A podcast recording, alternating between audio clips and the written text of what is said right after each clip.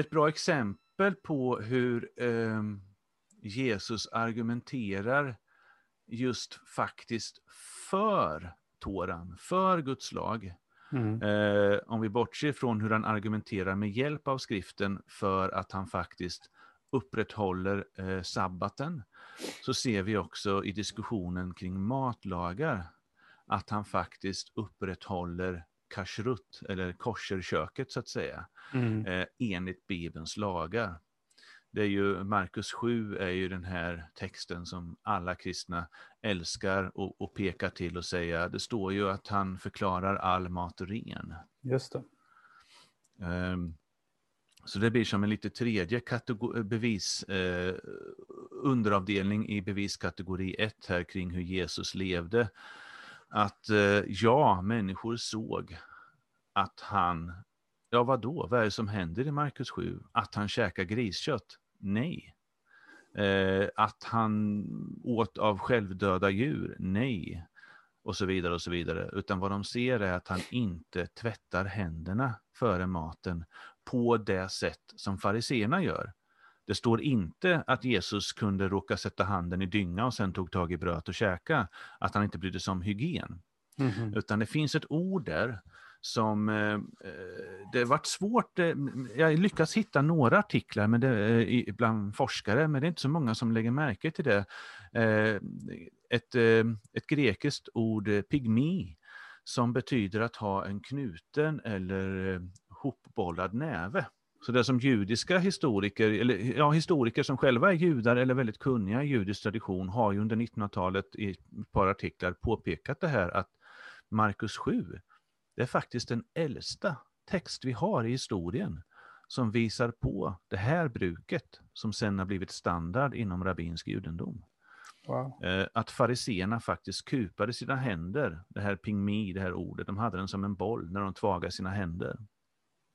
Eh, så det som du säger, det är att bli av med rituell orenhet. Mm. Det är inte att tvätta sina händer före maten så att man inte får smuts på, på maten. Ehm, och här så reagerar Jesus kraftigt. För fariseerna attackerar honom och hans lärjungar genom att säga Varför lever inte dina lärjungar efter fädernas regler? Mm. Och då blir det tydligt att den här handtagningen är alltså en muntlig traditionen halacha, som vi sa förut, en, en, en utbrodering av hur lagen ska efterlevas. Eh, som är, eh, inte finns i Bibeln, utan har uppstått eh, parallellt i den muntliga kulturen. Och där kan vi ibland som kristna eh, ha lite svårt att särskilja att eh, fariseerna de representerar, och de skriftlärda representerar eh, lagkulturen, eller Torakulturen. Eh, och den Toran är ju grunden för allt de gör eller gjorde. Eh, men det är inte där konflikten ligger. Nej. Utan Jesus förtydligar i Markus 7 att han säger till dem, eh, eh, Jesaja profeterade rätt om er, fåfängt dyrkar de mig, ty lärorna de lär ut är människors bud. Ni vänder er från Guds bud för att hålla fast vid människornas regler. Och han sa, det är just det rätta, att upphäva Guds bud för att låta era egna regler gälla. Så sätter ni Guds ord ur kraft genom de regler som ni har ärvt och för vidare. Och Det här är väldigt generell kritik som Jesus eh, för fram här. Och vi pratade om nyss att eh, han samtidigt i Matteus 23 säger att fariséerna och de skriftlärda sitter på Moses stol. Mm. Det finns en sorts dubbelhet här i att eh, Jesus kanske inte då rakt av, eh, vad ska man säga, avfärdar att hans lärjungar eventuellt skulle tvaga sina händer på samma sätt som fariséerna. Men det är just att det är inte det är inte en lag. Och sen går Jesus vidare med att förklara i vissa av eh, varianterna av den här kritiken i evangelierna att eh, hur är det nu till exempel att har ni pengar ni kan ge i, till, eh, pengar ni kunde ha hjälpt era föräldrar med så ger ni dem som korban, som, som offergåva till templet och då är ni fria från budet att vörda era föräldrar. Mm. Eh, och det är just ett snyggt sätt att sätta Guds ord ur spel. Så hans kritik är ganska bred. Det är inte säkert just så att Jesus menar tvaga aldrig era händer som fariseerna gör, men han menar på att det går inte att hålla på så här och sätta den muntliga traditionen över Guds ord. Så här har vi ett exempel på att Jesus själv kritiserar just för att han vurmar för den bokstavliga Toran som han ju i bergspredikan har sagt ska bestå för varje ord och varje litet streck, varje liten prick i lagen ska bevaras tills himmel och jord förgår. Eh, men sen kommer det här lite, lite senare att eh, maten går inte in i hjärtat, står det senare i, kapitel 7 i Markus, utan i magen och kommer sen ut på avträdet. Därmed förklarade han all föda ren. Och den svenska versen återfinns ofta i engelska översättningar också, men den finns inte i grundtexten. Mm. Det här är lite grammatiskt komplicerat. Det är inte glasklart exakt hur man, man, man kan översätta den på olika sätt.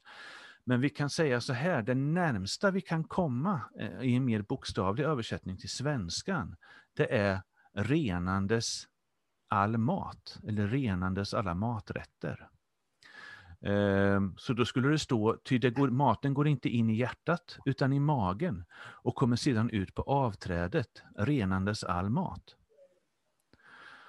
Och säger vi det så på svenska, då fattar vi plötsligt logiken i, i grundtexten, att maten renas i tarmarna och sen så bajsar man ut den helt enkelt på avträdet. Det, det, skulle det finnas någon sorts orenhet i maten så smittar inte den av sig till kroppen på något sätt.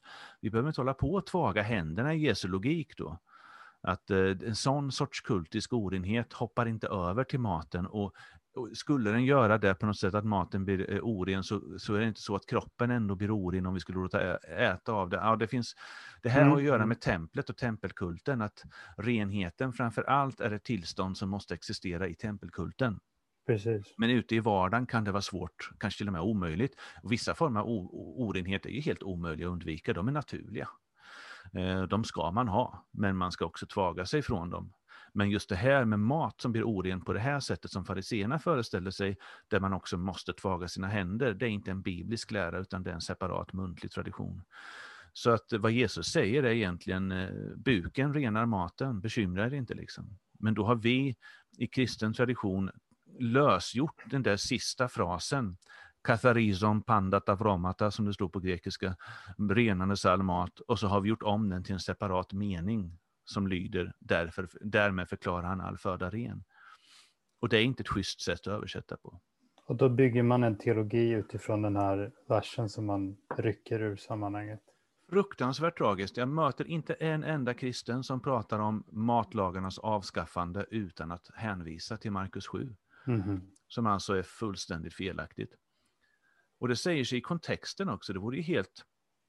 Vilket, vilket billigt enkelt fall. Alltså, fariseerna skulle ha knäckt Jesus direkt. Om mm. man å ena stunden bara ger dem svavelosande tillrättavisning för att de bryter mot Guds ord. Mm. Och sen i nästa mening säger, för Guds ord om maten är avskaffat nu. Liksom. Han skulle ju få mm. pisk direkt och gå därifrån med svansen mellan benen. Ser ingen yttring på det i, i, i, i diskussionen. Va? Så att eh, det, och det här finns även hos andra eh, judiska skriftlärda i texter bevarat i rabbinsk tradition från den här tiden, att man faktiskt såg på, på maten på det här sättet. Så fariseerna har en, de följer en viss tradition. Det fanns judar som tänkte som dem.